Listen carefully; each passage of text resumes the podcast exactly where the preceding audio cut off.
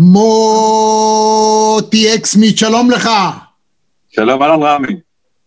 הליברו, וואו, וואו, וואו, וואו, וואו, ספר חדש, הפקה מדהימה, לפני שנדבר על האיש, ונדבר על ההפקה, הואיל ומדובר, באמת, אני עוד לא נתקלתי בדבר כזה, ואני חולה ספרים מילדותי, ספרייה שלי אדירה ועצומה, זה חוויה רק לבקר ולראות, למשש, להריח, יופי של דבר. אות ומתחילים. גבירותיי ורבותיי, צופות, צופים, מאזינות, מאזינים, אני גאה, שמח ומאושר לארח את פרופסור אולגה רז, שלום לך. ג'יה רון לונדון, שלום לך. שלום וברכה.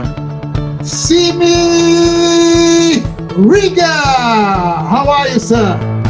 שלום לפרופסור רפי קרסו. שלום וברכה. דוקטור אבשלום קור, שלום לך. שלום לנחמן שי. היי זאביק. דוקטור צחי בן ציון. חיים רמון,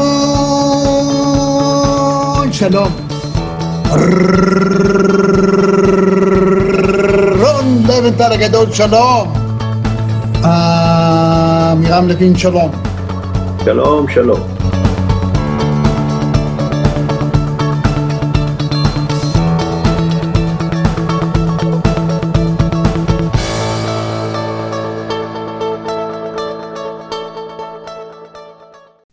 בוא נתחיל עם השם, הליברו. כמה אנשים היום יודעים מה זה ליברו? זאת אומרת, ליברו פעם זה היה מין תפקיד שהיום כבר לא קיים. נכון, אז גם נכון. קראו לזה בעברית מטאטא. אז טוב שלא קראת נכון. לספר המטאטא. אני לא חושב, קודם כל קוראים לזה המ- המטאטא, לא המטאטא, אלא המטאטא. הוא זה היה- התפקיד, שמע, זה תפקיד, הוא היה מטה שחקן. נכון. עכשיו, זה התפקיד שהוא, אתה יודע, הוא... אה, היו שני אנשים שהם שני כדורגלנים מאוד מוכרים, מאוד ידועים בעולם, באירופה במיוחד, שהגדירו, היו מוגדרים אה, בתפקיד הזה של הליברו. אחד זה גדול שחקני נבחרת גרמניה בכל הזמנים, פרנס בקנבאואר. הוא לימים ו- המאמן שלקח את גביע העולם עם הנבחרת הגרמנית. נכון. וחברנו, ידידנו אבי כהן, זיכרונו לברכה, הישראלי שבעצם אה, לקח את התפקיד הזה של פרנץ בקנבאואר והביא את זה עם הייחודיות שלו, של אבי, ל- לישראל, למכבי תל אביב, ל- לליברפול, כשהוא עוסק בליברפול, לגלסגו רנג'רס. אה, אני לא חושב שמאז שני השחקנים המכובדים הללו, מישהו עוד אה, משחק, שיחק או הוגדר בתפקיד הזה. וכמובן נבחרת ישראל, שהוא היה הקפטן, גם מכבי תל. אביב, גם נבחרת ישראל. אבי, אבי לכהן הגדול מכולם, תסביר מה זה ליברו, מה זה התפקיד הזה מטאטא? הליברו זה בעצם אה, שחקן הגנה, בלם ומגן, שמייצר את, ה... את ההתקפות שלו, עולה למעלה, נוטש את המשבצת שלו, אבל כשהוא נוטש את המשבצת שלו, בעצם היו שחקני קישור או שחקני הגנה, שהיו סוגרים את המשבצת של אותו שחקן, במקרה הזה של אבי כהן, כשהוא היה עולה למעלה לייצר את ההתקפות כשחקן קישור לכל דבר ועניין, או כשהיה מייצר לעצמו את ההתקפות, תוך כדי זה שהוא היה מעביר את הכדורים לשחקני הקישור, ואז הוא בעצם משמש כחלוץ, כובש שערים. ואחרי שהוא עשה את המהלך הזה, בין אם הניב שער או בין אם לאו, חזר חזרה לעמדה הטבעית שלו, עמדת הבלם או עמדת המגן, אה, כשאותו שחקן שכיסה אותו באותה משבצת, חזר לתפקיד הטבעי שלו, היום אה, לתפקיד המוגדר שלו במשחק, בין אם זה היה קשר או מגן אה, כזה או אחר.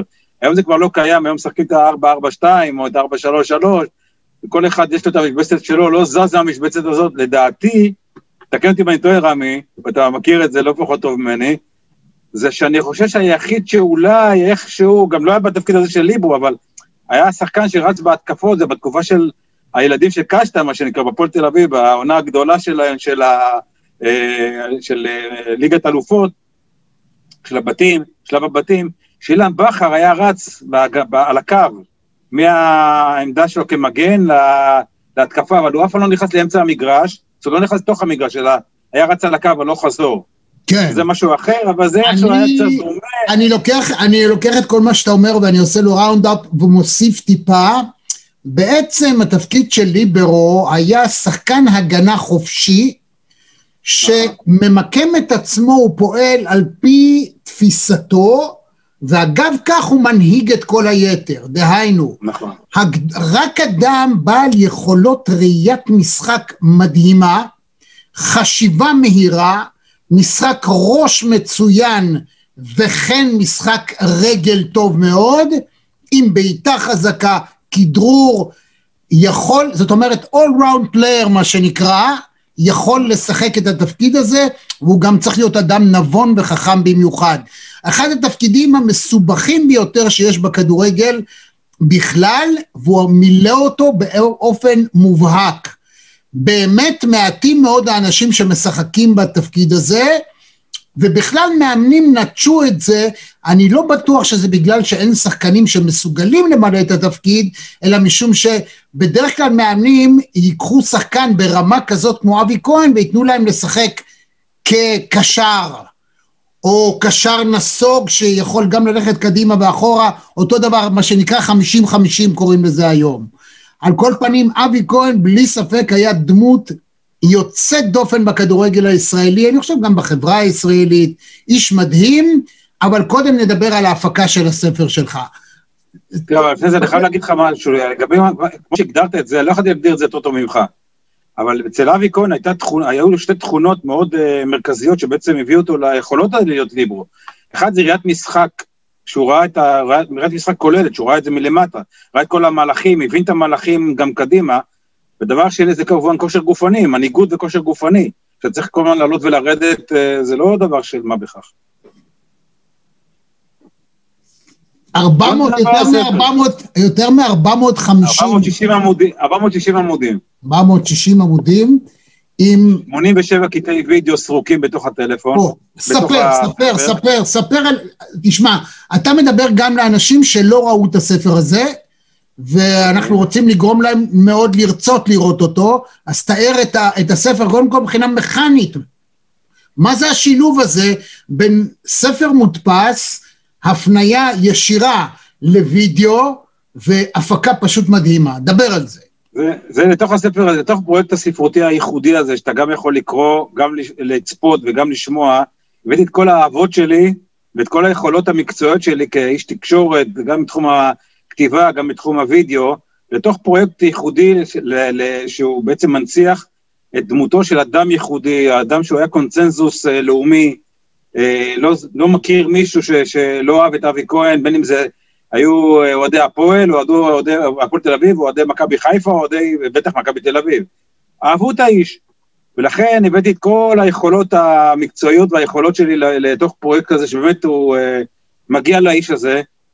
אה, והספר הוא בעצם מכסה את, אה, מספר את סיפור חייו של אבי כהן, וסיפור הכדורגל הישראלי, האנגלי, ליברפול, וגלסגו רנג'רס, הסקוטי, גלסגו רנג'רס, דרך העיניים של אבי כהן, שמסופרים על ידי חבריו, שחקן כדורגל ששיתפו איתו פעולה, מאמנים שאימנו אותו, אה, חברים שלו מחדר ההלבשה באנפילד, ומאמנו גרם סונס מגלסגו רנג'רס, כל אלה מספרים בעצם את הסיפור של אבי כהן, את הסיפור של הכדורגל בשנים, לטעמי, הכי יפות שהיו, שאנחנו זוכרים אותן, שנות ה-70-80, אה, תחילת שנות ה-90 של המאה שעברה. אה, וקטעי הוידאו, ה-87 קטעי וידאו האלה בעצם באים מרואיינים, אותם שחקנים שמספרים ציפורם בספר, כולל נשיא המדינה רובי ריבלין, שהיה עורך דין של אה, אבי כהן במעברו לליברפול, אנחנו נדבר על זה אחר כך, מן הסתם. וסוכן השחקנים הבינלאומי, מי שהיה אז עיתונאי, אה, פיני זהבי, כל אלה בעצם מספרים את הסיפור של הכדורגל במיטבו, דרך העיניים של אבי כהן. אז קודם כל, אה, בואו נתחיל בזה שנספר למי שלא יודע שאבי כהן היה בעצם הנציג הראשון והבכיר ביותר של הכדורגל הישראלי שהצליח להגיע לאנגליה. זאת הייתה תדהמה בישראל. בוקר אחד, בוקר אחד, פותחים עיתון ורואים ידיעה שהיא לא נתפסת. זה הייתה סוג של הפתעה כמו, אני יודע, אילן רמון אה, הפך להיות טייס החלל הישראלי הראשון. אגב, שניהם בסוף, הסוף היה מר בתאונה ש, שלא הגיע לא לזה ולא לזה. אם יש איזושהי קורלציה בין השניים. זו הייתה תדהימה. ספרת קודם כל את הסיפור, איך הגיע ולמה הגיע אבי כהן לשחק במדי ליברפול, אז הליגה הראשונה עוד לא נקראה פרמייר ליג, על כל פנים זאת הייתה הליגה הראשונה באנגליה. אתה יודע, המעבר שלו זה, זה לא יודע בדיחה, אבל המוזר בכל הדבר הזה, שאבי כהן עבר לליברפול, בדרך מקרה בכלל. הוא לא עבר במשהו, במעבר, מעברה מסודרת, מתוכננת, עם משא ומתן, כמו שקורה היום, אתה יודע, אתה יודע שיש שחקן שהוא אה, מוכשר, ואתה רוצה לנסות להעביר אותו לאיזה קבוצת, אה, לשלב הבא, כדי שישתפשף בקבוצת פאר, או קבוצה בכלל מובילה בספרד, אנגליה, ווטאבר, אה, ואתה יודע שזה את המסלול שהוא מסלול, מה שנקרא, די בטוח להצלחה של שחקן. פה באמת היה מעבר, ושהכל בדרך מקרה, וסיפור ש... והסיפור היה כמו שהיה. היו זוג חברים, זוג חברים, פיני זהבי, עיתונאי בידיעות אחרונות, עיתונאי בחדשות, מכסה את התחום של הכדורגל של מכבי תל אביב, בית"ר ירושלים והליגה והכדורגל האנגלי, ובמהלך עבודתו העיתונאית הוא אה, נפגש ומתחבר עם אה, עורך דין צעיר, יושב ראש בית"ר ירושלים בזמנו, עורך הדין אה, ראובן רובי ריבלין. אז זה היה, הרבה לפני, זה היה הרבה לפני שהוא היה יושב ראש בית"ר, נדמה לי. לא, זה היה כשהוא היה... אה, הוא היה כבר אז? הוא היה כבר אז יושב ראש? כן, כן. אוקיי. והוא, אה, והוא התחברו, השניים התחברו, אהבתם לכדורגל האנגלי הרקיע שחקים. רובי ריבלין, לרובי ריבלין היו, היו עסקים במסגרת עבודתו כעורך דין. היו עסקים אה, בלונדון, ו... והשניים אה, החליטו, אתה יודע, לשלב את האהבה שלהם. ביחד, ולנסוע ללונדון לראות משחקי אה, כדורגל. באחד הפעמים נסעו משחקי חג המולד, אפרופו, אנחנו מדברים בתקופה הזאת של משחקי חג המולד, נסעו השניים למשחקי חג המולד לראות כדורגל האנגלי. בדרכם חזרה בנמל התעופה איטרו, גשר היה שלג כבד, הטיסות, היציאה של הטיסות התאחרו לפחות הטיסה שלהם לתל אביב התאחרה בשש שעות. פיני זהבי, מי שמכיר את פיני זהבי יודע ששש שעות בשבילו זה נצח, הוא לא יכול, הוא לא יכול לבזבז את הזמן שלו, אפילו לא שש דקות. ואז uh, הוא חיפש מה לעשות עם עצמו. וישבו שם בבית קפה, שתו קפה, ופיני הפעיל את הראש שלו, מה עכשיו אני אעשה שש שעות עם עורך דין אה, רובי ריבלין בנמל תעופה סגור ביתרו. הוא פתאום מסתכל ככה לצדדים, הוא רואה שני שולחנות משם, יושב, אה, יושבים שני אנשים, שני, שני, שני חבר'ה. אומר לרובי ריבלין, תשמע, אנחנו הולכים למכור, למכור שחקן. רובי ריבלין חשב שהוא, האיש השתגע, משהו קרה לו. אומר לו, אתה בטוח שאתה אתה בסדר? אתה לא קרה כלום? הוא אומר לו, לא, אנחנו מוכרים עכשיו שחקן. הוא אומר לו, מה קרה? הוא אומר, תשמע, אתה יודע מי יושב שם בשני שולחנות אה, מלפנינו? הוא אומר לו, מי? אומר רובינזון, המזכ"ל, אז קראו לזה מזכ"ל, מזכ"ל של ליברפול, אמר לנו, אז מה... אז רובינזון יושב שם, מה אתה רוצה שנעשה עם זה? אומר לו פיני זהבי, תשמע, אתה יודע מה הבעיה שלכם, אתם ירושלמים? אתם אין לכם מעוף, אין לכם שער רוח, אתם, חושבים תמיד קרוב לאף, אתם, אתה יודע, אין לכם חשיבה עתידית, אתם כלום, אתם... אומר, טוב, הבנתי, עכשיו בוא תגיד לי מה אתה רוצה לעשות. הוא אומר, תשמע, אנחנו נקום, אתה תלך לרומזון הזה, תגיד לו שלום, קוראים לי פיני זהב, פיני זהבי, ואני רוצה למכור לכם שחקן. הוא אומר, אני לא אומר דבר כזה, תקום, תלך, תגיד לו אתה. הוא לא, אני לא יודע אנגלית. בוא, נלך אליו ביחד, תגיד את זה אתה. קיצור, קמו שניהם, ניגשו לשולחן, בדחילו ורחימו, אמרו לו, פיני, אמר אה, עורך דין, דין אה, ריבלין, נעים מאוד, קוראים לי עורך דין ריבלין מירושלים, כמו שרובי יודע להגיד, אה, שלום, רובי ריבלין מירושלים. ואמר לו, אני מירושלים, עורך דין צעיר, זה חברי אה, פיני זהב, ויש לנו, יכול להיות שיש לנו איזה שחקן שיכול לעניין אתכם, קוראים לו אבי כהן. שאל אותו רובינזון, מה התפקיד שהוא עושה? הוא אמר לו ליברו, כשהוא שמע ליברו, לא היה ליברו אז, ליברו אז זה פרנס בקנבאו, הוא ישר ראה את פרנס בקנבאו מול העיניים, הוא אמר, וואלה, יש פה איזה עסקה. כמובן התלהב מאוד, ביקש מהם את המספר טלפון, נתנו לו את המספר טלפון של אה, המשרד של עורך דין אה, רובי ריבלין, אז לא היו פלאפונים כמו שכולם יודעים. ונפרדו ויצאו לדרכם. רובי ריבלין ופיני זהב היו בטוחים שהבחור המנומס, האנגלי, מנפנף אותם. ולקח את הטלפון, אה, הוא לא התקשר. לא חלפו להם יומיים שלושה. עורך דין רובי ריבלין מקבל טלפון מרובינזון, והוא אומר, תשמע, דיברתי עם, אה, בוב פייסלי האגדי, והוא מאוד התלהב מה, מההצעה שהצעתם, הוא רוצה לשלוח את הסקאוט של uh, ליברפול לראות את אבי כהן. בתקופה ההיא היו שני גורמים, ש... uh, לא בדיוק גורמים, אבל זה היה איש ועוד גורם, תכף שאני אגיד לך מי הוא, שבאופן זה, כאילו, שמע אותם מבחינת התחושות הבטן שלו. אחד זה היה אלוהים, והשני זה ה sc... ה scout. ה scout הזה היה קצין אנגלי, ששירת עם אה, בוב, אה, בוב פייזלי בצבא האנגלי במלחמת העולם השנייה. הוא היה כמו מורו ורבו, הוא היה מנטור שלו. הוא הביא אותו אליו, לליברפול, להיות scout של הנוער, לגלות כישרונות. קיצור, ה scout הזה הגיע לתל אביב, ביקש מרובי ריבלין בשבת גשומה להגיע למשחק בבלומפילד, הדרבי.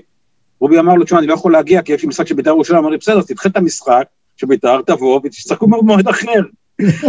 לבוא, נבוא אחרי המשחק. וזהו, נפגשו. הלך פיני זהבי עם ה scout לבלומפילד, דרבי, הכדור, הבעיטה, הגול הידוע של אבי כהן מ-17-18 מטר מהאוויר, טיל בין החיבורים, שבז'רנו עד עכשיו, אני חושב, בהלם מהגול הזה. ה scout קפץ משמחה, גשם שוטף היה שם, ה scout קופץ משמחה. יש לי, יש לי, יש לי, צועק באנגלית. ונפגשו אחרי המשחק, רובי ריבלין ירד מירושלים, נפגשו בתל אביב לארוחת הערב יחד עם אבי כהן ופיני זהבי. נחתמו, שם נחתם ההסכם, כאילו, הטיוטת הסכם של ההעברה שלו, ומפה הכל היסטוריה. קודם כל, קודם כל, רגע, רגע, קודם כל, איך שסיפרת, מוטי, זה משגע, אבל יש פה שלושה, דבר, שלושה אלמנטים שאני רוצה להכניס. דבר ראשון, פיני זהבי באותה תקופה הוא עיתונאי, הוא לא סוכן שחקנים. ממש לא. עיתונאי מדור הספורט של ידיעות אחרונות. עכשיו נגיד... רגע, בהקשר הזה, סליחה שאני כותב אותך משהו בהקשר הזה של העיתונאי בידיעות אחרונות, שהם באו להגיד לו, באו לשלם לו את הכסף, את האחוזים שלו. הוא לא יודע כמה לקחת.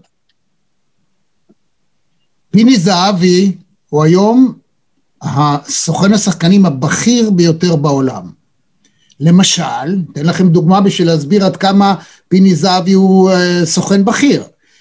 כשריאל uh, מדריד רצו לרכוש את רונלדו ממנצ'סטר יונייטד, שני המועדונים מהבכירים בעולם, לא היה מצב שיצלצל המזכ"ל של מדריד למנצ'סטר ויגיד, אולי תמכרו לנו אותו, לא. מי המתווך בעסקה? פיני זהבי. פיני זהבי הביא את מיטב הכדורגלנים והמאמנים בכלל בטרנספור, בטרנספר מ, אה, בין קבוצות מועדון מאוד מאוד בולטים. בין היתר הוא גם אחראי לזה שמאמן ישראלי אחד הצליח להגיע עד לקבוצה מאוד מאוד בכירה באנגליה, אפילו לגמר אה, ליגת האלופות. אז כל, אז זה פיני זהבי. וכשהוא היה עיתונאי, תמיד האשימו את פיני שבעצם הוא סוכן ויש לו אינטרסים. נכון. והוא, פיני הוא, עד, הוא סוחר מאוד מאוד ממולח, הוא עיתונאי, היה עיתונאי מצוין, אבל הוא תמיד היה מעורב בעניינים של כאלה מאחורי הקלעים. מביא קבוצות למשחקי ראווה בארץ, ביניהם ליברפול, ושם הוא הכיר את האנשים. הגיעו כאן קבוצות בכירות, היו באות לנוח, כמו שלימים קבוצות נוסעות לשחק בקטאר או בריאד תמורת הרבה כסף, כאן היו ממלאים את האיצטדיון, כמובן לראות את טובי השחקנים בעולם, בתקופה שאנחנו בכלל שייכים, הכדורגל שלנו שייך לאסיה, זה סיפור ענק, אתה בא לבלומפילד ואתה רואה את הגדולים מכולם. אז זה פיני זהבי, תמשיך.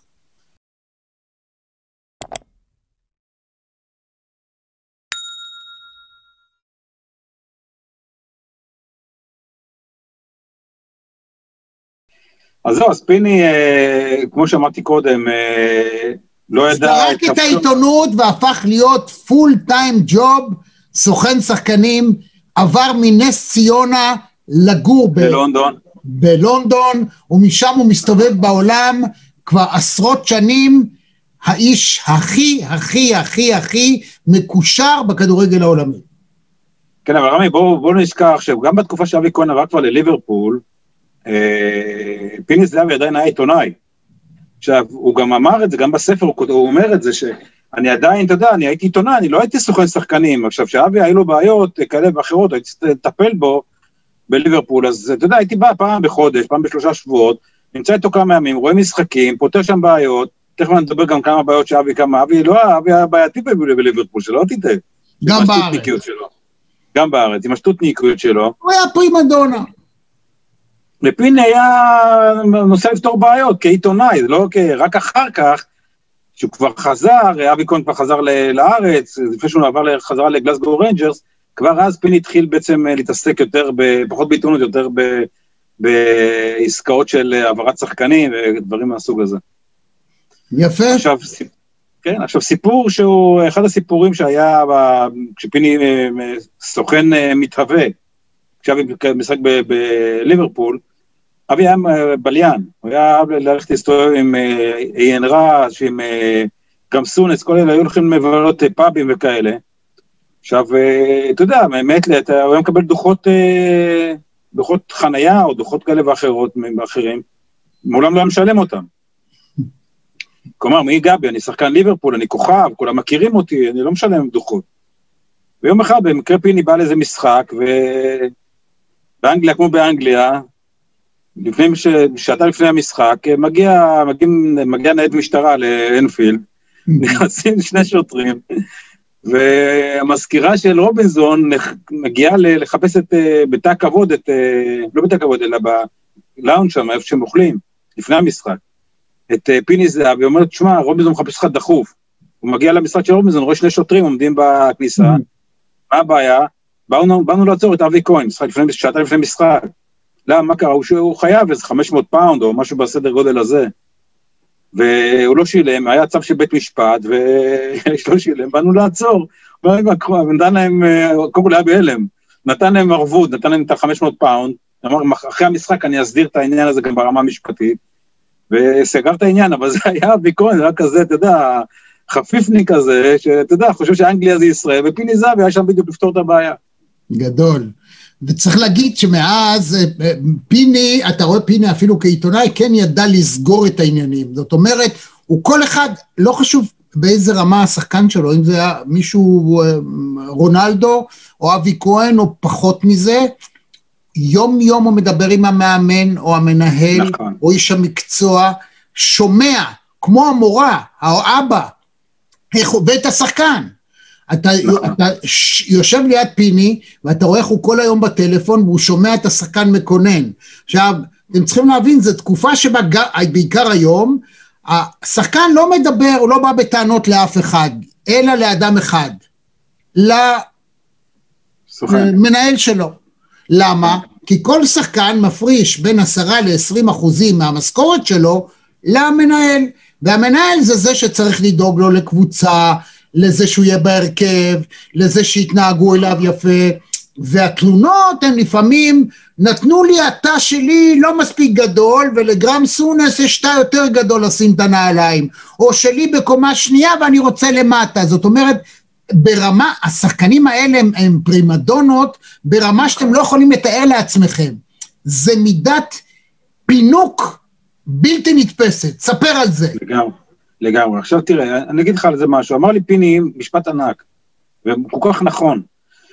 הוא אמר, תשמע, אם אני הייתי, אם אני, בתקופה שאבי כהן שיחק בליברפול ובגלסגו רנג'רס, אם אני הייתי סוכן שחקנים כמו שאני היום, אבי כהן גומר את הקריירה שלו, תקשיב טוב, גומר את הקריירה שלו בליברפול.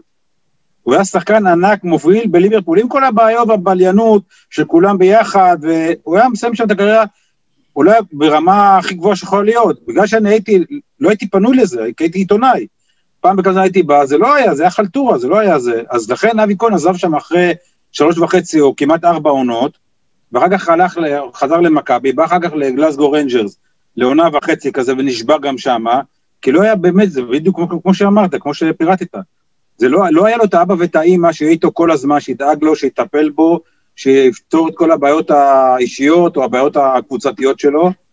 ופיני אומר, זה היה אחד הפספוסים הכי גדולים, ששחקן ענק, של אישיות ברמה, שאהובה ברמה מאוד גבוהה, שכולם אהבו אותו בחדר ההלבשה, וזה היה פספוס רק בגלל שאני, פיני זהבי, לא הייתי פנוי לטפל בילד הזה. כן. אולי הוא עוד לא הבין בדיוק את מהות התפקיד, ובאמת שחקנים זה התינוקות המגודלים הכי מפונקים בעולם, הם מתרגלים מגיל די צעיר להפוך להיות כאלה שמטפלים בהם בהכל. עכשיו, יש בזה היגיון, אני אגיד, אני, אני לא אומר את זה לגנותו של השחקן, אני רוצה שתבינו, אה, כולם שיבינו את זה. אה, כדי להיות ספורטאי מקצועני ברמה הגבוהה ביותר, הדרך היחידה היא לאפשר לבן אדם לעסוק אך ורק במקצוע הזה שלו. לכן, היום מקובל, אתה מסיר מהאיש כל דאגה בעולם. אתן לך דוגמה, נגיד ממכבי תל אביב כדורסל, היה שמלוק האגדי, היה האיש, האיש שהיה מטפל בכל השחקנים הזרים. עכשיו, שמלוק בזמנו סיפר איך בשלוש בבוקר מצלצל אליו שחקן, בייגלה, היה לו כלב שקראו לו בייגלה, בייגלה הקיא. שמלוק קם, פושט את הפיג'מה, מתלבש, נוסע, לוקח את בייגלה, מביא את בייגלה לווטרינר, הוא מקבל איזה זריקה או משהו, בחמש בבוקר הוא מחזיק, מחזיר את הכלב הביתה. כי אחרת אותו שחקן, אגב קראו לו לו סילבר, גם הוא היה פעם קפטן של מכבי תל אביב, באותו יום היה משחק מאוד חשוב, היה ברור לגמרי שאם בייגלה חולה, לו סילבר לא ייתן את מיטבו במשחק. כך הם פני הדברים, גם היום. הם לא עושים כלום, אבל לא מתוך הפינוק, מפני שהראש שלהם צריך להיות פנוי אך ורק לדבר אחד, לתת את השואו שנדרש מהם. לגמרי. וחבל, כי בתקופה ההיא שאבי כהן באמת היה שם, לא היה לו את אותו שחקן שיקח את בייגל, אגב, לאבי כהן היה לאבי ודורית, היה כלב שם בליברפול, ולא היה באמת מי, את אותו מנהל שיקח את הכלב לטיול, לטיול בחוץ. אני חושב אגב שהשחקנים הישראלים באותה תקופה לא היו מודעים לפער בהתייחסות המקצועית בינינו לבין אירופה.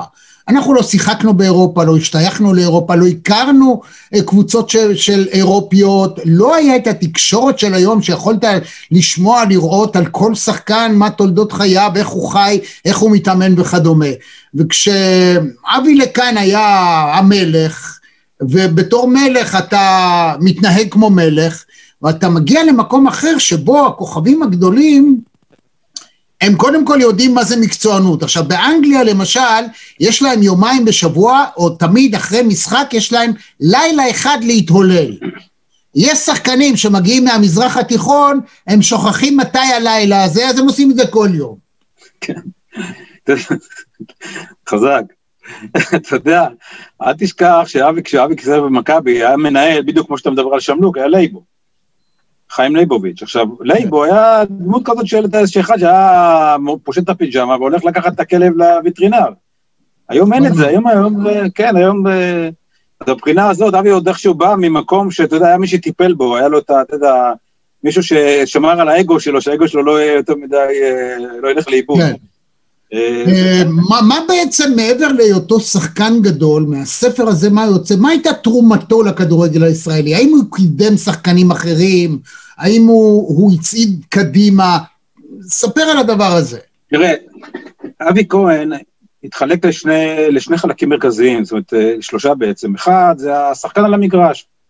הדמות, בחדר, המנהיג בחדר, בחדר הלבשה, השחקן על המגרש, האיש, המנהיג במגרש, המנהיג שכולם היו אומרים אמן אחרי כל מילה שהייתה יוצאת לו מהפה, ההוראות שהוא נותן על המגרש, האובססיביות שלו, שלו לניצחון, שאי אפשר היה, אי אפשר להתחרות איתו, גם במשחקי ששבק, כשהבן אדם היה מרגיש שהוא מפסיד, הוא היה כאן דופק מכה עם הברך, לא בכוונה מעיף את הלוח, כדי שלא יראו שהוא מפסיד. הוא היה בן אדם שרצה לנצח.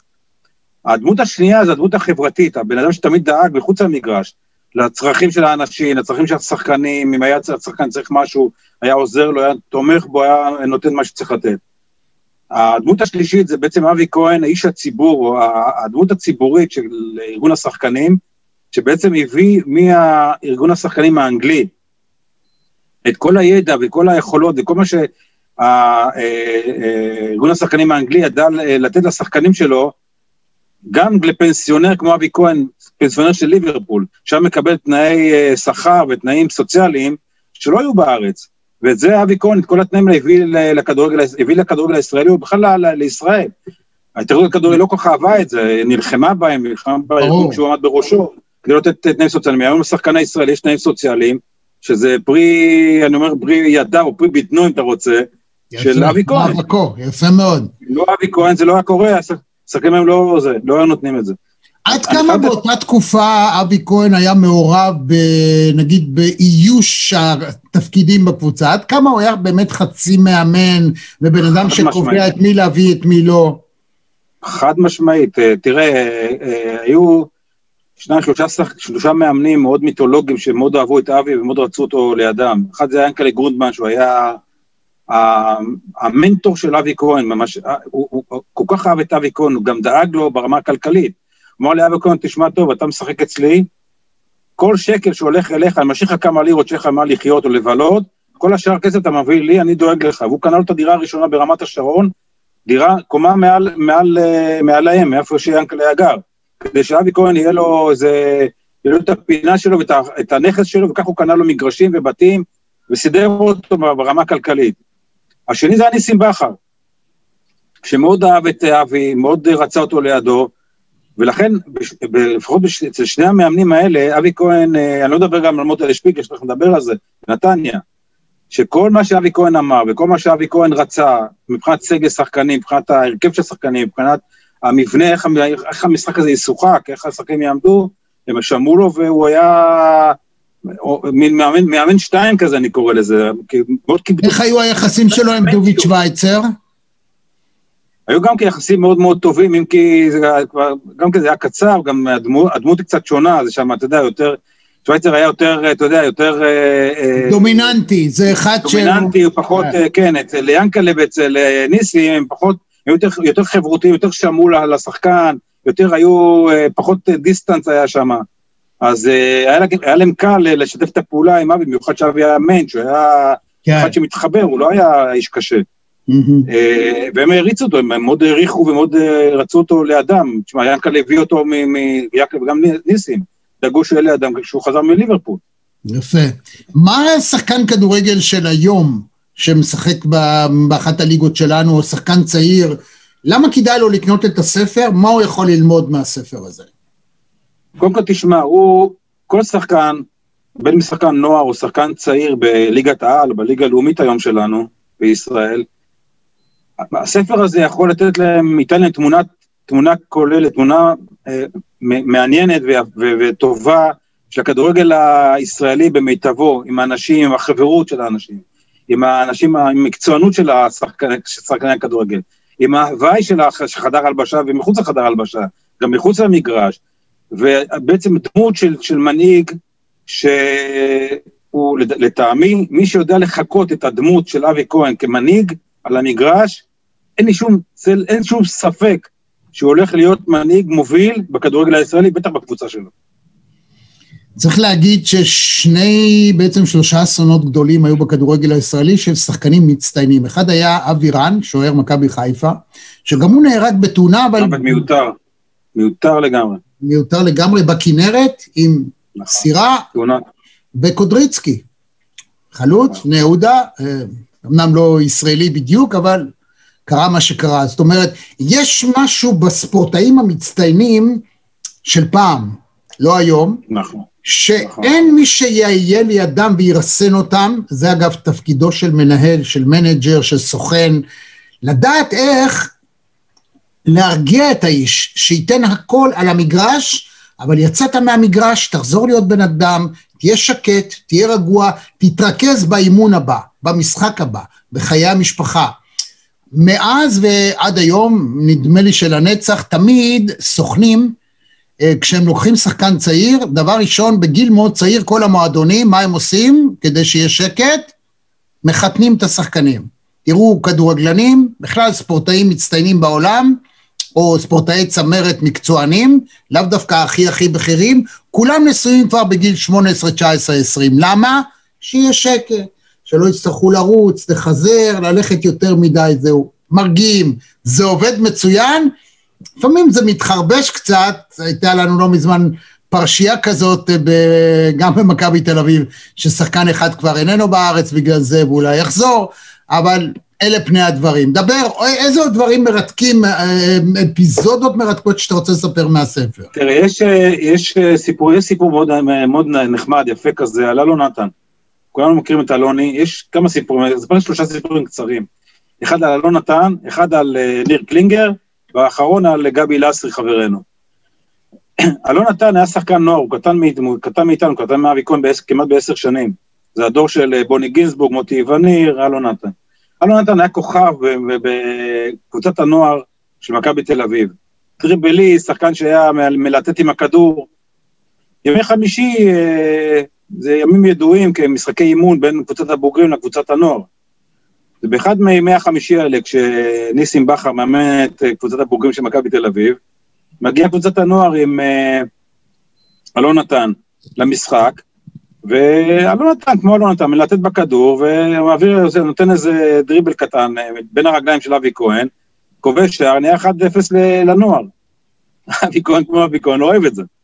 וכמה התקפות אחרי זה, כמה דקות אחרי זה, הוא עושה גליץ' על הרגליים של, של אלון נתן, אלון נתן, אם היה, לא, לא היה מספיק לקפוץ בזמן, לפי דעתי באותו רגע, באותו משחק גם גומר את הקריירה שלו, אבל הצליח לקפוץ, ומהשלב הזה התפתחה תגרה בין אבי כהן לבין uh, אלון נתן. האימון, משחק האימון פוצץ. ומכות ועניינים, וניסים בכר uh, נכנס למגרש להרגיע, והרוחות נרגעו, וביקש מאלון נתן שיעבור לצד של, של הבוגרים, שישחק עם הבוגרים. אז לא נתן, אבל לצד של הבוגרים. וקבע שני שערים לטובת הבוגרים, הבוגרים ניצחו שתיים אחת. ומאז אותו משחק, אבי כהן ואלון נתן הפכו להיות חברים בלב ונפש, כשאלון נתן משמק, הוא כמו האח הקטן שלו, לאורך שנים. כשקרה מה שהתאונה המיותרת הזאת עם אבי כהן, אלון נתן נכנס לבעיה נפשית, מצוקה נפשית בעקבות המוות המיותר הזה של אבי כהן, והוא במשך תשע שנים היה מטופל אה, ברמה וואו. נפשית. אה, כן, אה, הוא רק לפני שנה של המערכת השתחרר מזה, זה לקח את זה באופן מאוד, מאוד קשה. עכשיו, זה וואו. מראה... אבל גם היה לו, לא נתן איזה בעיה בבית עם אבא. הסבא, הסבא נהרג בתאונה גם כמיותרת במפעל הזכוכית שלהם, נפל עליו לוח של זכוכית והוא נהרג וזה, ואלוני איש ילד עדין, ילד טוב, שרק מראה לך שמה, מה הדמות של אבי כהן עשתה לו במשך כל השנים האלה, מאותו אירוע במשחק במשחק האימון הזה, ועד יום מותו של אבי כהן, מה אבי כהן היה בשבילו. עכשיו, הפסקה קצרה, רגע, הפסקה קצרה, תעשו בינתיים לייק, תירשמו, כדי שתוכלו תמיד לדעת גם מה הדבר הבא שאנחנו רוצים לספר לכם, ואנחנו מיד חוזרים.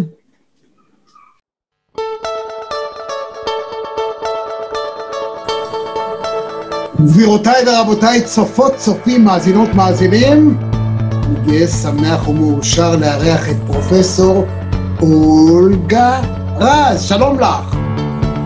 ג'יה רון לונדון, שלום לך. שלום וברכה. סימי ריגה, how are you sir? שלום לפרופסור רפי קרסו. שלום וברכה. דוקטור אבשלום קור, שלום לך. שלום לנחמן שי. שלום, שלום רמי, מה זה, השין היה ארוך כזה, השין, כן, אוקיי, שי, כן. אני בדרך כלל אומר את השם הפרטי כמו גול. נא...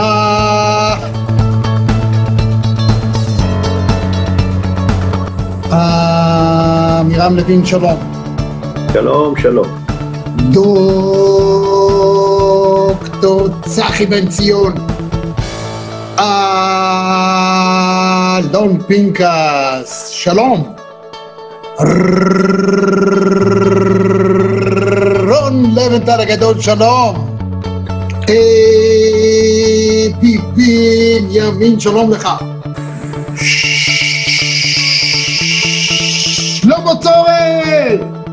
דוד מנע, שלום שלום לך, מה שלומך? היי זאביק. אבי בניהו, שלום. שלום רבי, מה שלומך? ערב טוב ליונה יהב. חיים רמון, שלום. שלום, זה מימי הספורט? זה מימי הספורט, אני רוצה להגיד לך גם, יאיה פינק, שלום. אלדד יניב, שלום רב לך. ערב טוב לך, ג'ודי, אנחנו בשידור חי, באוויר. ערב טוב, רמי, פעם ראשונה בחיים שלי בזום.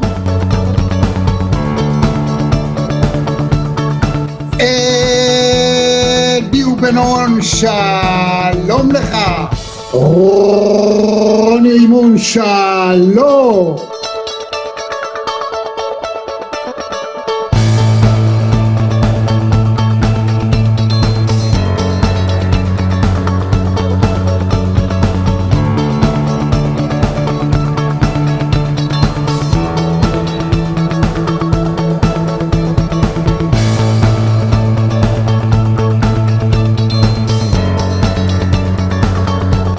כל יום, פעמיים ביום קורא את האתר שלך ונהנה מהניתוחים ומהכושר ביטוי והיכולת ניתוח.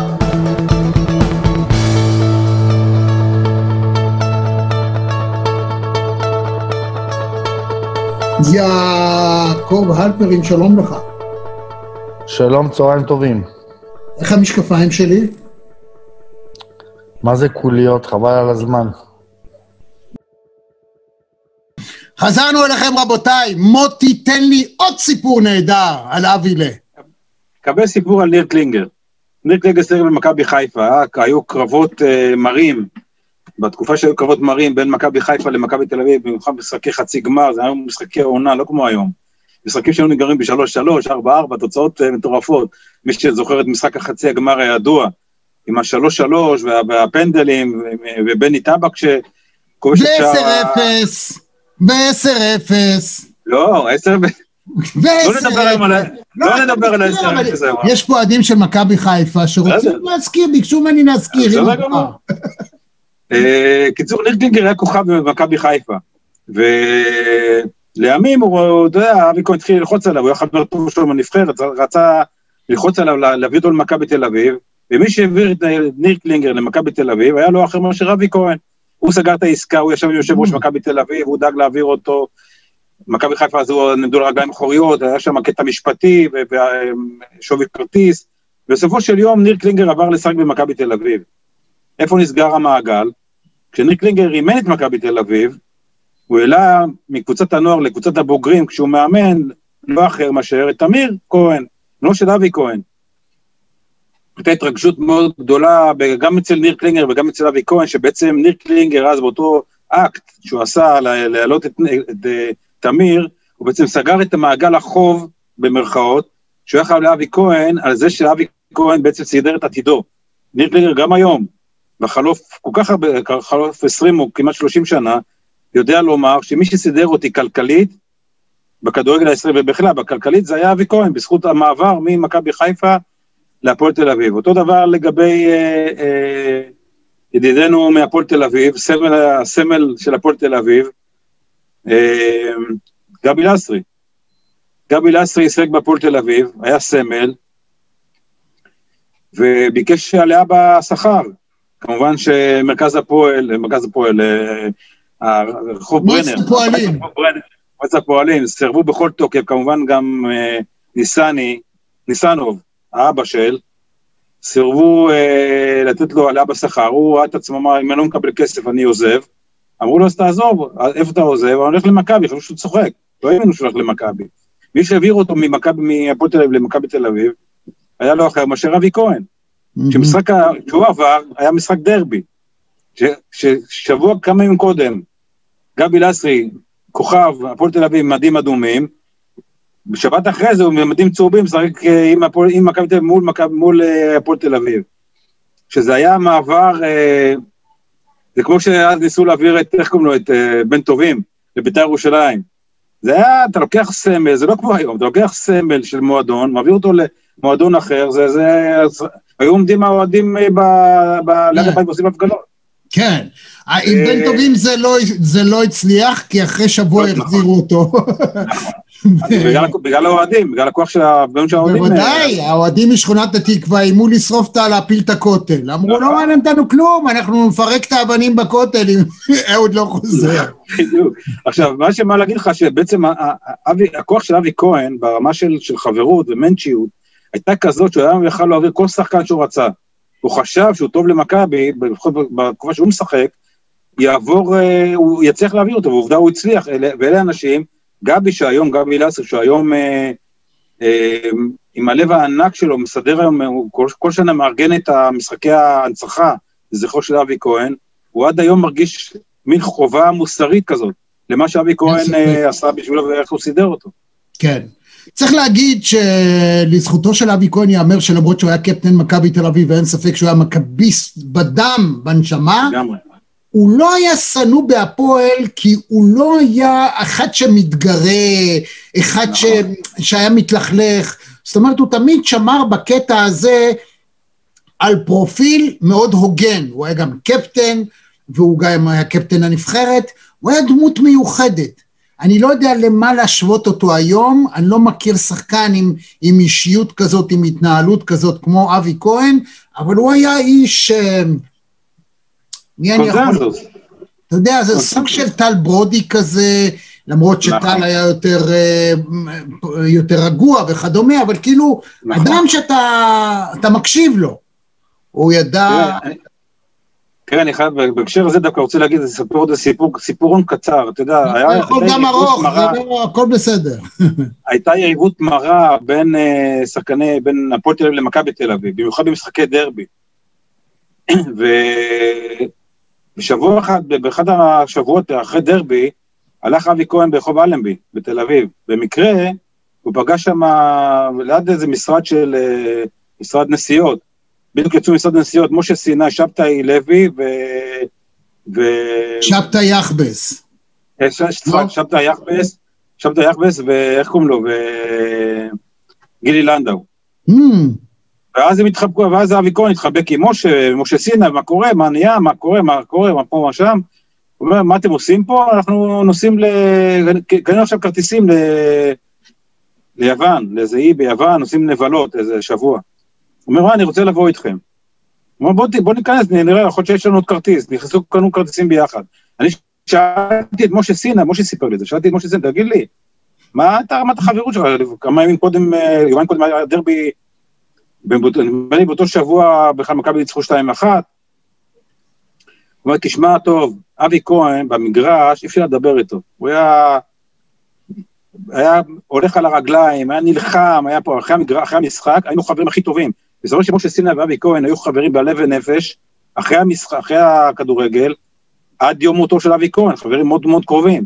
הבילויים של אבי כהן עם אנשי הפועל, המכביסט הגדול, אתה מבין? נוסע עם אנשי הפועל, כן. לבלות ביוון, זה אומר הכל על, על, על האישיות שלו.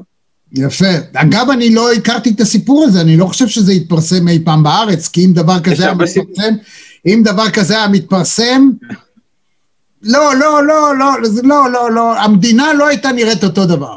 ברור. תשמע, יש הרבה מאוד סיפורים בתוך הספר, שסיפורים שלא סיפרו, לא סיפרו עד היום, כולל משחקי נבחרת באוסטרליה. כולם זוכרים את הבית האוקיאני, ש- 1-0. ש- שנבחרת- היו כמה משחקים, הם שיחקו נגד אוסטרליה, דרום קוריאה וניו זילנד. ו-43 יום באוסטרליה, לא דבר, לא אז דבר רק אני קל. אסביר, אני אסביר למה שיחקנו שם באוקיאניה, כי בהתחלה הכדורגל הישראלי היה משחק באסיה. אסיה לא הסתדרו איתנו, אנחנו שחקנו אגב נגד האיראנים ונגד כל מיני מדינות, והם לא רצו אותנו, מדינות ערב וכדומה, לא רצו אותנו. מה עשו? הגלו אותנו לאוקיאניה. זאת אומרת, צירפו את ישראל עם המקום הכי רחוק שיכול להיות, זה עם אוסטרליה, עם אה, ניו זילנד, דרום קוריאה, דרום קוריאה, דרום קוריאה. כן. צ'ה בום טיוואן, קום. כן. טיוואן. טוב, בקיצור, היו שם 43 יום. 43 יום. בקיצור, היו שם 43 יום. במסע, מסע שלא נגמר. לימים, במאמר מוסגר, אני יכול לספר שההתאחדות לכדורגל, כי השחקנים אחר כך אה, חזרו שבורים אה, מנטלית מה, מהמסע הזה, ומחו אה, כנגד מסעות כאלה, אמרו יותר זה לא יקרה. וההתאחדות לכדורגל קיבלו אז החלטה, שעד היום אגב שרירה וקיימת, שלא יהיו יותר נסיעות מאשר, יותר מאשר שבוע ימים. שפשוט צריכים, לא- צריכים לעמוד בזה. מי שבא למשחקים האלה, עשה את דרכו במשחקים האלה מסקוטלנד הרחוקה, או מליברפול הרחוקה, עד לניו זילנד או אוסטרליה, שלוש פעמים הלוך חזור, בטיסות של 36 שעות, הם לא אחרים מאשר רוני רוזנדל ואבי כהן. היינו נוסעים ביחד בטיסות. Mm, רוני רוזנטל כאן. היה גדול גם- הוא. נכון. יפה. והם שיחקו בליברפול עכשיו, הסיפור זה החדרים. היו חדרים שם, ליאור רוזנטל ישן בחדר אחד עם אה, בוני גינזבורג, וכשאבי כהן הגיע, ליאור היה עובר לגור עם, אה, לישון עם רוני, ואבי כהן היה ישן עם, אה, עם בוני. מהמם. וכמובן שאבי מגיע, אז מתחילים אה, בילויים וצחוקים ודחקות וכל הדברים האלה, ובילויים. ובאחד הימים הם הלכו לאיזה, היה מופע של איזה זמר מאוד ידוע, נדמה לי אלטון ג'ון או משהו כזה, ב, בבית האופרה הידוע של סידני, ויצאו שלושה שחקנים למשחק, למופע הזה, כולל בוני, בוני ואבי, וש, ושמעונוב, מנשה שמעונוב הצעיר, לימים היה אחר כך מנהיג, אה, כמו, לא כמו אבי, אבל המנהיג במכבי תל אביב, קפטן, כן, גם בלם מצוין. להם. עכשיו אמרו שלושה כרטיסים, איך, מה יהיה? אמר להם אבא, אמר להם, בוא, בוא, תבוא, יהיה בסדר, אנחנו, נח- אנחנו נפלח אותך פנימה. ומנשה מנשה שמעון מספר, הגענו לכניסה, היו שם המוני אנשים, אבי כמו אבי, עשה את התרגילים שלו, ופילח אותי פנימה, הוא אומר לזה. פילח אותי פנימה למופע של אלטון ג'ון, וככה את אלטון ג'ון בסידני, יחד עם אבי כהן ובוני גינזבורג.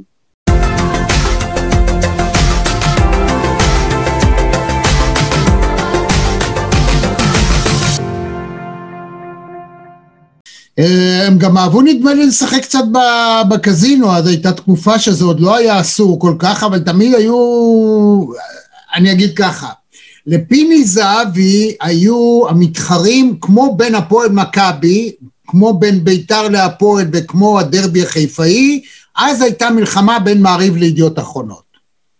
פיני זהבי היה איש ידיעות אחרונות, במעריב היה אדם שקראו לו ישראל רוזנבלט. ישראל רוזנבלט, כל שחקן שפיני זהבי טיפח, היה בעדו וכדומה, הוא מאמן. אם פיני זהבי היה בעדו, רוזנבלט היה נגד, והייתה. מל... מלחמת עולם בין מעריב לידיעות לאורך כל הקריירה של המאמן הלאומי הזה. זה היה פשוט נורא.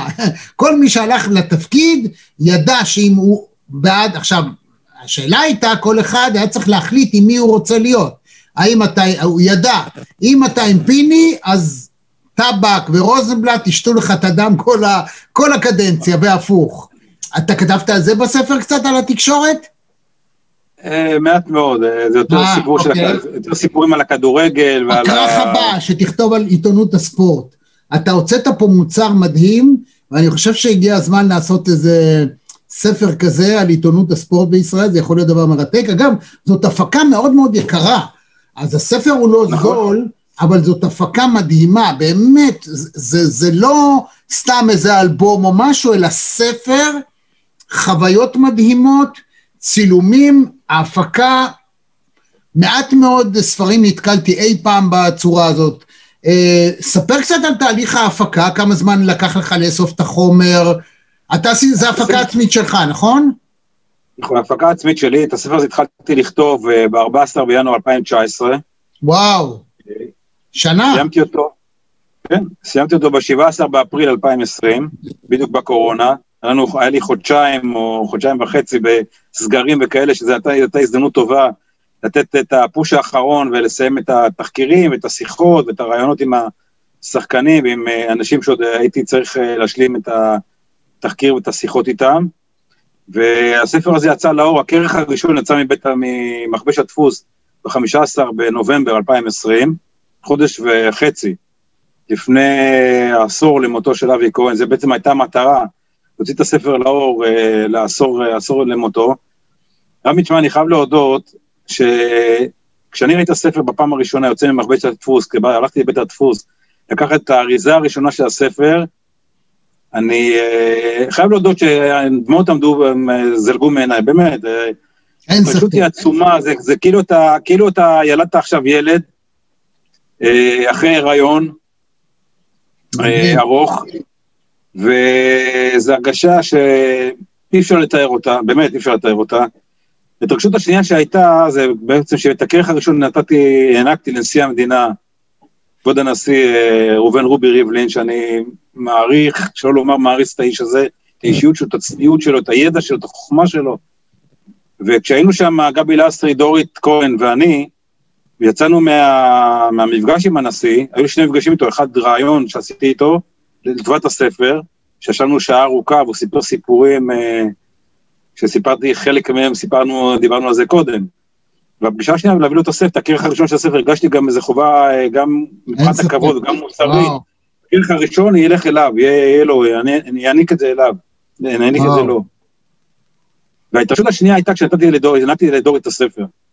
היא בכתה, זאת אומרת, אה, שנינו מאוד התרגשנו, גם כתבתי לה איזושהי הקדשה מאוד, אה, מאוד אישית. ולראות את דורית מחזיקה את המוצר הזה ביד, על אבי כהן, על הליברו, הסיפור של הכדורגל הישראלי, ומי זה היה אבי כהן מבחינת סמל לאומי, סמל של הכדורגל הישראלי, ולראות את ההתרגשות שלה, זה היה בשבילי דבר שבאמת היה שיא בכל העבודה הזאת. שאתה אומר, תשמע, כנראה שפגעתי, גם מבחינת העיצוב וגם מבחינת המוצר הסופי שיצא יצא לאור, שזה ספר שמכבד את ה... נשוא הספר, מכבד את הכדורגל הישראלי מבחינת הכדורגל עצמו, כדורגל במיטבו, באמת עם האנשים שאני באופן אישי מאוד מאוד אוהב אותם, מאוד מכבד אותם, אנשים שתמיד אה, הערכתי אותם. זה דור אחר, זה דור חכם יותר, זה דור אינטליגנטי יותר, זה דור נעים יותר, הם חברים יותר טובים, הם אנשים שהם מנצ'ים, זה אנשים שמדברים איתך בגובה העיניים, עם הרבה צחוקים, עם הרבה... וכל אחד שמקבל את הספר הזה, או קונה את הספר הזה, מהשחקנים שאני מכיר אותם, והם כל כך נרגש, וכל כך אה, מצלצל אליי, הוא כותב לי שהם כל כך נרגש מהמוצר, כנראה שעשיתי עבודה טובה, אני יודע. עשית עבודה מצוינת, עשית את זה גם בהפקה עצמית, כך שרכשת את הניסיון ואתה איש מקצוע. אני מציע לכל שחקן עבר באשר הוא, וגם מי שרוצה פעם להיות שחקן עבר, ובינתיים לצבור חומר, לפנות אליך מוטי, כי אתה מפיק ענק, ואתה יודע איך לעשות ולכתוב וליצור יחסים קרובים, וזה לא דבר פשוט להפיק פרויקט מהסוג הזה, נכון. ולכן אני באמת, באמת, באמת, יצא לי להכיר אותך בתקופה האחרונה, אה, מאז שהתחלתי את הפרויקט הזה של מרכזי TV, ואתה יודע, אנחנו מתקרבים מעת לעת, ואני אומר לך שאני מאוד מאוד מעריך ומכבד את היכולות המקצועיות שלך, את האופן שבו אתה פועל ועושה, ואתה באמת מועיל לחברה, לתחום שבו אתה מתעסק. זה כל כך חשוב. נכון, כל אחד הוא גם איש עסקים, הוא רוצה לעשות לביתו, למשפחתו, להרוויח כסף. אבל נורא חשוב, חברים, שתעודדו אנשים מהסוג של מוטי אקסמית. כי אנשים כאלה נורא מנסים לעזור לכם, לכולנו, לחברה. הרי המחיר של הספר הוא באמת כלום, זה, זה היום מחיר של, אני יודע, זוג שיושב סלט בבית קפה, במסעדה. אתה מקבל פה חוויית חיים, שאתה יכול תמיד לעיין, לעלעל, ללמוד ממנו ולקחת לעצמך, להתקדם קדימה. ומי יודע, אולי פעם תגיע כמו ברקע שלי, שרואים את אנפילד כאן, להגיע וליהנות מהחוויות הכי גדולות, כי אין כמו ספורט, אין כמו ספורט, לא יעזור. זה נכון. רמי, קודם כל אמרת דברים, אני מאוד uh, מעריך ומכבד אותך, אמרת דברים מאוד מאוד מרגשים, אני חייב להודות, מאוד ריגשו, מאוד ריגשו אותי עכשיו. Uh, אני מאוד מעריך את זה, וכמובן שאת הספר, uh, אפשר להגיד לנו איך אפשר אותו. אני חופשי תגיד, ואפילו נעשה לינק למטה, אתה אחר כך תמלא ותכתוב, וגם בעניין מרכזי זה יופיע, מי שירצה יכול לקנות, גם את המהדורה הדיגיטלית, אני ממליץ לקנות את הספר, כי זה פשוט, זה, זה, זה משהו, קשה לי אפילו להגיד, זה כיף, אני מחבק אותו, עד כדי כך. אז קודם כל, את הספר אפשר uh, כמובן uh, לפנות אליי באופן ישיר, uh, דרך הטלפון הסלולרי שלי, 0544 995158, או דרך מתי אלחנתי, הוצאה לאור, מילים מדברות, אה, 054-458-9097. הספרים נמצאים היום בחנויות, אה, רשת חנויות צומת ספרים, אה, באתר עברית, שזה אתר דיגיטלי, אפשר לקנות את זה ברכישה דיגיטלית, ובחנויות אה, של אה, מכבי תל אביב, ארבע חנויות של מכבי תל אביב הפזורות אה, באזור אה, תל אביב. יש מספיק מקומות אפשר, איפה אפשר לקנות, לקנות את הספר. זו חוויה ספרותית באמת אה, ייחודית, שלא, ספורטיבית, אישית. נפלאה. כל הכבוד, כל הכבוד, כל הכבוד, מוטי אקסמית, כאמור, למטה אתה גם תכתוב את הפרטים הללו כשזה יעלה, אז למטה כל אחד יוכל להעתיק, לקרוא גם את uh, כתובת האינטרנט שלך, את הדואר האלקטרוני שלך, את הפייסבוק, את מה לא. רבותיי, תודו שהיה כיף גדול מוטי אקסמי, תודה רבה לך. תודה רמי, הכיף היה שלי, תודה, תודה על הכל. שהייתם איתנו, תהיו איתנו, גם כאן תעשו לייק, תירשמו כמינויים, וגם בכל מרחבי הפודקאסט, אתם יכולים לשמוע את זה תוך כדי ריצה שאתם מתאמנים, אתם באוטו, לא, לאו דווקא בלהסתכל, רק להקשיב, חוויות כאלה יש המוניות. תודה רבה לכם. להתראות. תודה, ביי. ביי ביי. עד כאן מהדורה נוספת של מרכזי TV. אם היה לכם כיף, אם נהניתם, אנא לחצו לייק וגם על הפעמון כדי לקבל רמז על המפגש הבא שלנו. אני רמי יצהר, להתראות. thank you